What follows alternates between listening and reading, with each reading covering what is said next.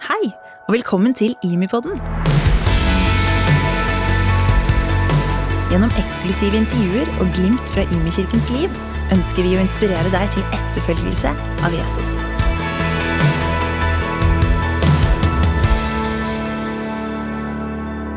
Hei og velkommen til en ny episode av IMI-podden. Eh, vi har hatt noen ukers pause, men nå er vi klare igjen med en siste episode før sommeren. Og vi har fantastisk gjest med oss i dag. Vi har eh, ringt opp til Battle Church Reading, California, og har med oss pastor der, Candace Johnson, som er en utrolig god venn av oss. Har vært på Åpen himmel-konferansen vår og talt for et par somre siden, og som vi gleder oss til å snakke med i dag. So, Candace, welcome to Imipodden.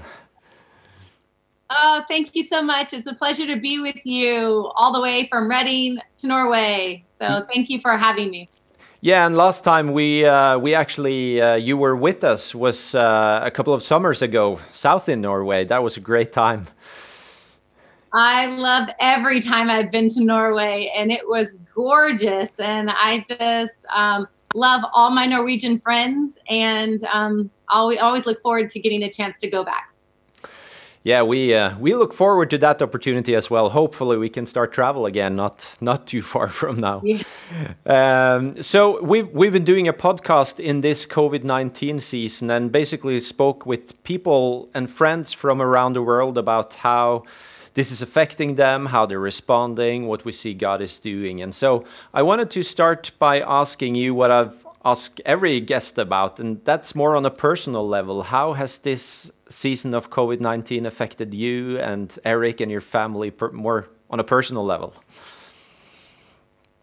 Yeah it's it's affected us greatly in the sense that our whole world has changed. You know we pastor a church of over 11,000 people in our community and um, with all the restrictions and this um, everything that's happened it, it's just changed all of our dynamics. We're an events we're a church we're an event center we have a giant school of ministry here. And so that's just caused all of the in-person ministry and meetings to go away um, and so, as leaders of it, it has been lots of decisions. Mm. And we, I, I, mean, the first few months, or actually the first few weeks to a month, we were just scrambling. And it was extra hours where some people were like, oh, we're relaxing more at home. We were not relaxing at home. We were on the phone late at night and texting and making decisions. Uh, we have a lot of employees to take care of as well. And so I just thank God for wisdom and creativity, and we've been leaning into that. Um, so we, I would say, we're doing well. We're very thankful. God has been faithful and providing at every single point of this, and we have needed Him to. Um, but one thing that uh, a good description, descriptor words would be, uh, we feel decision fatigued. Hmm. We are feeling a little tired of all the decisions that we've had to make. Um, and so that's on the leadership side. On the on our home front, we have experienced a little bit more space um, at home because uh, we worked from home primarily for the first month and a half, and without having to get in the car. Hmm. Actually, even to ready yourself enough to come into the office and then make your lunch and get in the car, you do. We did have a little extra time, and then we're not traveling, so our weekends uh, we're able to be at home. And then we don't have as many night we're not doing night things as much. So we've had extra space and it's been actually that part's been really nice.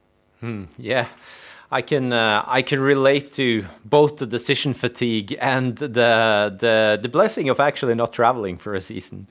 Um, as you mentioned, you lead a lead a large church in Redding, and uh, Bethel Church is known for their their way of blessing the community around them. Uh, how how have you as a church responded in this very special situation? Yeah, we are thankful for the place that we have in our city. You know, we have a city of um, almost 90,000 people, and we have a church of 11,000.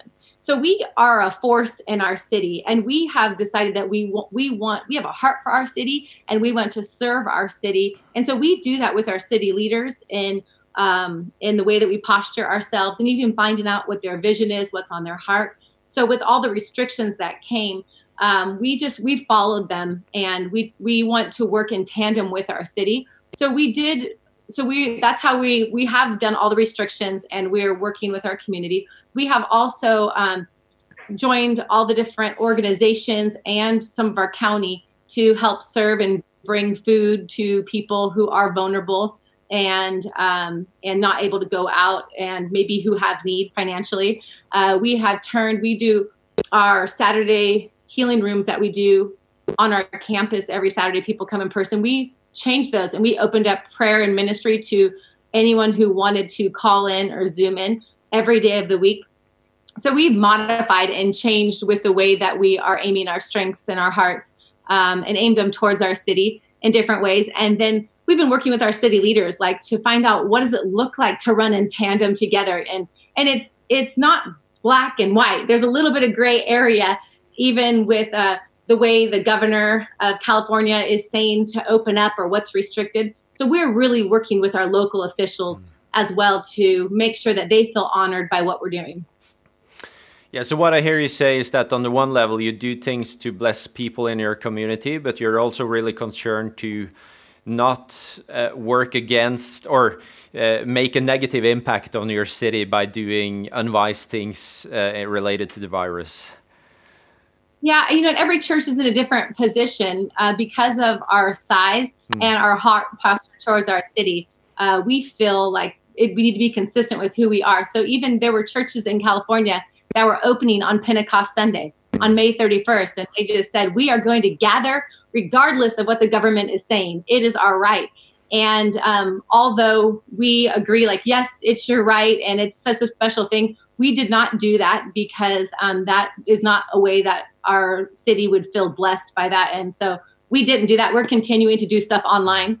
Just this last weekend, we opened up to invite a small group of um, 100 people during our filming. And that's all that we're doing. We're just doing everything else um, online right now. Mm. Yeah, I, I love that. That's great to hear how you're focused on, on, on, on honoring your city and the community you're a part of.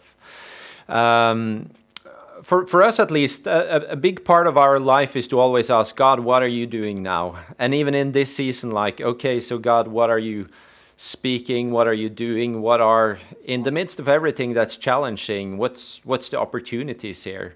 What have you been sensing eh, in that dimension of what God's doing? What's He saying? What is the opportunities in this season? Yeah, you know, we started out the year with um, what we felt like 2020 was about. And we said it is the year of awakening. Mm-hmm. And we had ideas of what that would look like. Like, oh, I know what awakening looks like. Like we are going to be alive. And um, and then this all began. We're like, I did not think about that it would include this. And um, so we've gone from we had the COVID uh, restrictions, but even the the health concerns. And then weeks ago, um, we had some incidences with um, some racial kill, some killings of some black men that have spurred so much stuff um, and swirl here and a lot of pain that we're like, yes, it's the season, the year of awakening. We did not know what we were saying, and um, but God is awakening us to uh, to to what He is doing, to who we are as humans, and, um, and I believe that He is establishing the church. What we've learned is that God is not confined to a building, and the church is not a building. The church is strong. We are thriving. There has been ministry. People are serving one another. People are living fully to the Lord. And the church is only strengthened in this time. And so, one thing we've learned is that um, the church is strong and it is not confined to a building. And I feel like as we're learning to lean in and put the word into practice, like that, He is our refuge that He is our strong tower. And um, even though all this stuff is going on, we don't need to be afraid because He doesn't change who He is. And it's gotten really personal. It's gotten into the home. It's not in a big meeting and it's not in a conference. Um, God is getting into homes. And I believe that there's a different level of real that's going on with our faith and that God is establishing the church. Because when we put truth and words into practice, it actually puts us on this rock. And so it's been really fun to see what that looks like on an individual level. And that's that's who we are as a church. We're individual members of a body and a family. And so it has been the year of awakening. And um, i'm seeing the church uh, getting established. I'm also seeing like what it looks like to prefer one another with um, the way when restrictions started happening and people were losing their jobs or people were afraid to go out to go shopping because they felt either vulnerable, they were in a vulnerable category because of their age or their health. I saw families and people go reach out to people that they knew. Can I do something for you? Can I can I take this shopping? What what, what could I do that would help cover you? And I love seeing that. And we've seen that quite a bit. Like we had our city on fire a few years ago and it burnt down um, part of our community. And that was super tragic. And we're still rebuilding. But I tell you that we are more beautiful after that. Um, the level that people actually bought in and took care of each other was stunning. And I saw it again during this time, and I'm still seeing it. Um, so God's establishing His church. The church we're learning we're learning how to love and how to care for each other through a lot of different circumstances. Wow, that's really encouraging. Um, then you you mentioned briefly now, but obviously with covid-19 already happening in your nation then a few weeks or over the last weeks there's also been stirring something really different. So uh, the the death of george floyd and as you mentioned there were all, already some things that had happened in the weeks building up to that. And and at least here from norway we've seen all the demonstrations and yeah all the different reactions even here in Norway, there are demonstrations in the in the big cities. Um, how, how has this situation been for you? It's been super painful because there's so much brokenness. Hmm. It's it's it's really painful, and so um, for us, the first thing we did is just lean in um, to our family and who God has. Um, we're working, we're walking through stuff with our people here, and you know, years ago, uh, I think there was a shooting or killing in Baltimore, I think like five or six years ago, and it caused so much um, upheaval in our nation. And I watched the news and I was I was aware of it, but just thought, oh, that's so sad. It wasn't in Redding. It wasn't even in our state. It wasn't even on our side of the country, but it was very sad news. And um, and none of us as as main leaders of Bethel really did much. We watched it, and of course, it makes us sad, but we were just doing our lives and taking care of what we needed to take care of. And then, um, probably, I don't know, like a couple weeks afterwards, one of my small group leaders came to me, and she was a black woman, and she was a friend as well. And she knew she knows my heart, and she goes, Candace, I I know your heart, and I know that you're for me specifically, but just and I and I think and I was talking with her back and forth. She said, "What I need, want you to know is that our black community here at Bethel don't know how you feel about them and they're hurting and they can't figure out why you haven't checked in on them and why you haven't said anything. And I said, said anything about what? And she said, about the about the killing that's happening in Baltimore. And I said, they're you're hurting because of it? And she said, Yes. And I go, Do you know them or is that your family? And she said, No but that is black people. I mean that is that is the pain that we live with and the trauma and the fear. And we're having to manage all this stuff and work through it. And you don't even care. I said i didn't even know. Of course i care for you. And it was this big moment where i realized how much i don't know. And i i it was this beginning of this learning journey of realizing like when someone who is white who dies on the other side of america it's sad. It's all it's always like evil is evil. I, I hate that. Um, but it never connects to any place deeper.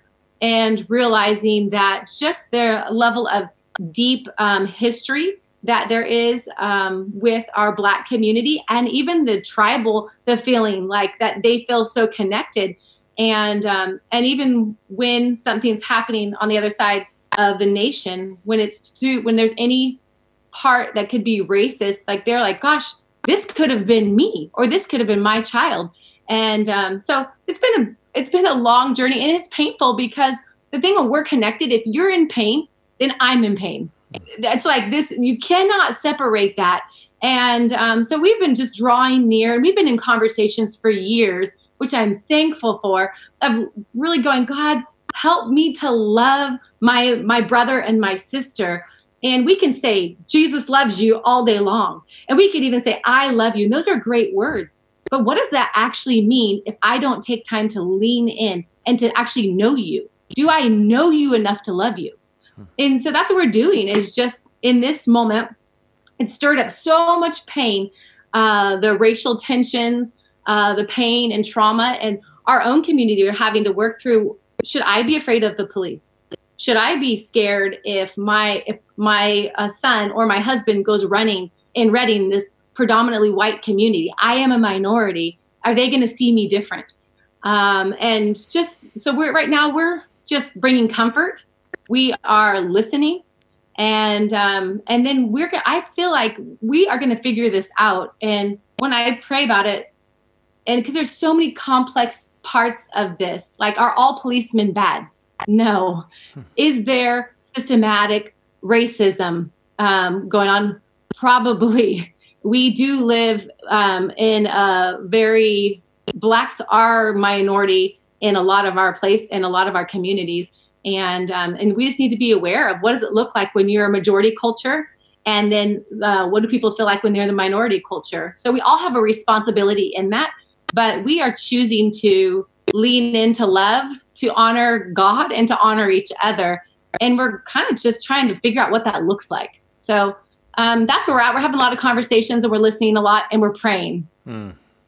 wow thanks for sharing that and thanks also for sharing that story of being caught kind of unaware, as you say, you don't know what you don't know. I, I sat down with a couple of uh, black people in our church a couple of days ago when we talked about this. And in Norway, it's very different than in US. But one of the women said that I've learned to adjust, and I've learned that in Norway you don't really talk about these things. And I think that's that was a big moment for me. That thing of okay, so I'm not even aware that you've understood that this is something you don't talk about here. And so that that's different than in the US, but again, it's the similarity is that thing of we don't know what we don't know and we have to take time to listen in this moment.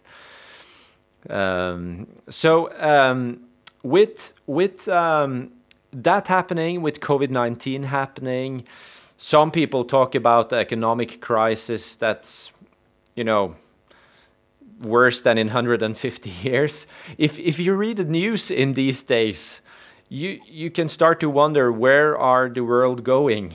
Uh, and obviously, as Jesus followers, we try not to take our cue just from the news. But what would you, uh, as we as we move to a close, would you say is something that could help us stay hopeful and kind of on the track of following Jesus in this season? know when to turn the news off. Yeah. that, that is a big key thing. There's something about Psalms 46 when it says, Be still and know that I am God. Are we more aware of what CNN or Fox News, that's all American um, news outlets, or whatever your news outlet, are we more aware of what the news is saying or what social media is saying? or what God is saying. Hmm. And um, so that's been a big thing. You know, we went to a, um, there was a rally and a march that happened in our community to stand for justice and for healing and um, and it was the only one that I've been a part of, but I went to it on Saturday and there was 1,500, 2,000 people. And it was this beautiful time of uh, different people telling stories, some music, even the police chief shared and some um, a black pastor shared. We prayed, and then they said, "Now we're going to do a march." And people had signs, you know, mm. like no, like no justice and no peace. Like make sure you know K N O W. Make sure you know justice, and make sure you then you'll know peace. Um, people are, have signs, and they said, "We're going to do a march now around our city, but it's a silent march. We're not going to talk." And we've been in restriction, so we haven't seen a lot of people and I'm like, there's people I know everywhere. And I'm like, oh, I'm excited to see everybody. We're not going to talk. Okay, we're going to walk two miles around our city. Oh, okay, I'll do whatever you say. And we began to walk, and it was silent. And something happened in the silence. Stuff just got deeper in me. I could think, I could feel. I began to feel deeper. And then the level of prayer was much more, was deeper. It was such a super impactful experience that I think there is something about the silence. Like if we're talking about what brings hope, it's like, Lord, how do we get out of the swirl? I think it's really important that we engage with what's going on with the economy, where people are at. I mean, real lives and knowing. But we also need to know when to stop the swirl and when to stop listening to all the voices that are just trying to get really loud because the Lord will make a way for us. He is faithful, He doesn't violate who He says He is. And um, that's our job to just get humble before Him and to get quiet so we could hear Him. Wow, thanks. That's a really encouraging word, word and a good way to end our conversation. Uh, I just want to say uh, we here at IMI and me personally are so thankful and so full of honor, both for you, Candace and Eric, and for, for your church that has really impacted us in so many ways. So thanks again for taking the time for this conversation. And we really pray all of God's blessing over you as you keep on going in this season. Amen. Thank you. Thank you for having me. And I just bless you in Norway. And I pray that the Lord would take you deeper and that He would establish you, establish you in truth, and that He would provide for every single one of your needs. That this the banner over this season would be God is faithful. More than any one thing, that God is faithful. So we bless you guys. We're so thankful for you as well. Thank you. And send our love to Eric and uh, bye bye. I will. Thanks so much. Love you guys. Det var Candice Johnson fra Battle Church eh, og vår samtale med henne. Eh, jeg har bare lyst til å si på slutten av dagens episode at eh, for du som følger Rime kirka på Facebook eller på våre nettsider, så vil du ha lagt merke til at nå begynner det også å skje noen ting etter hvert som vi får større muligheter til å, åpne, nei, til å møtes igjen. søndag 21.6 så blir det gudstjenester igjen i Ime kirka, og ikke minst så gjør vi en sånn desentralisert versjon av Åpen himmel i sommer, hvor vi er både i Mandal, i Grimstad, på Risøya, og eh, vi gleder oss til å komme sammen. Så har det vært spennende å gjøre podkaster denne våren. Eh, nå tar vi sommerferie, og så får vi se i hvilken form Imipodden kommer tilbake over sommeren. Men for nå, tusen takk for at du har vært med og lytta. Skulle du ha kobla deg på nå i siste episode, så er du velkommen til å gå tilbake og høre mange av de andre intervjuene vi har gjort tidligere i vår.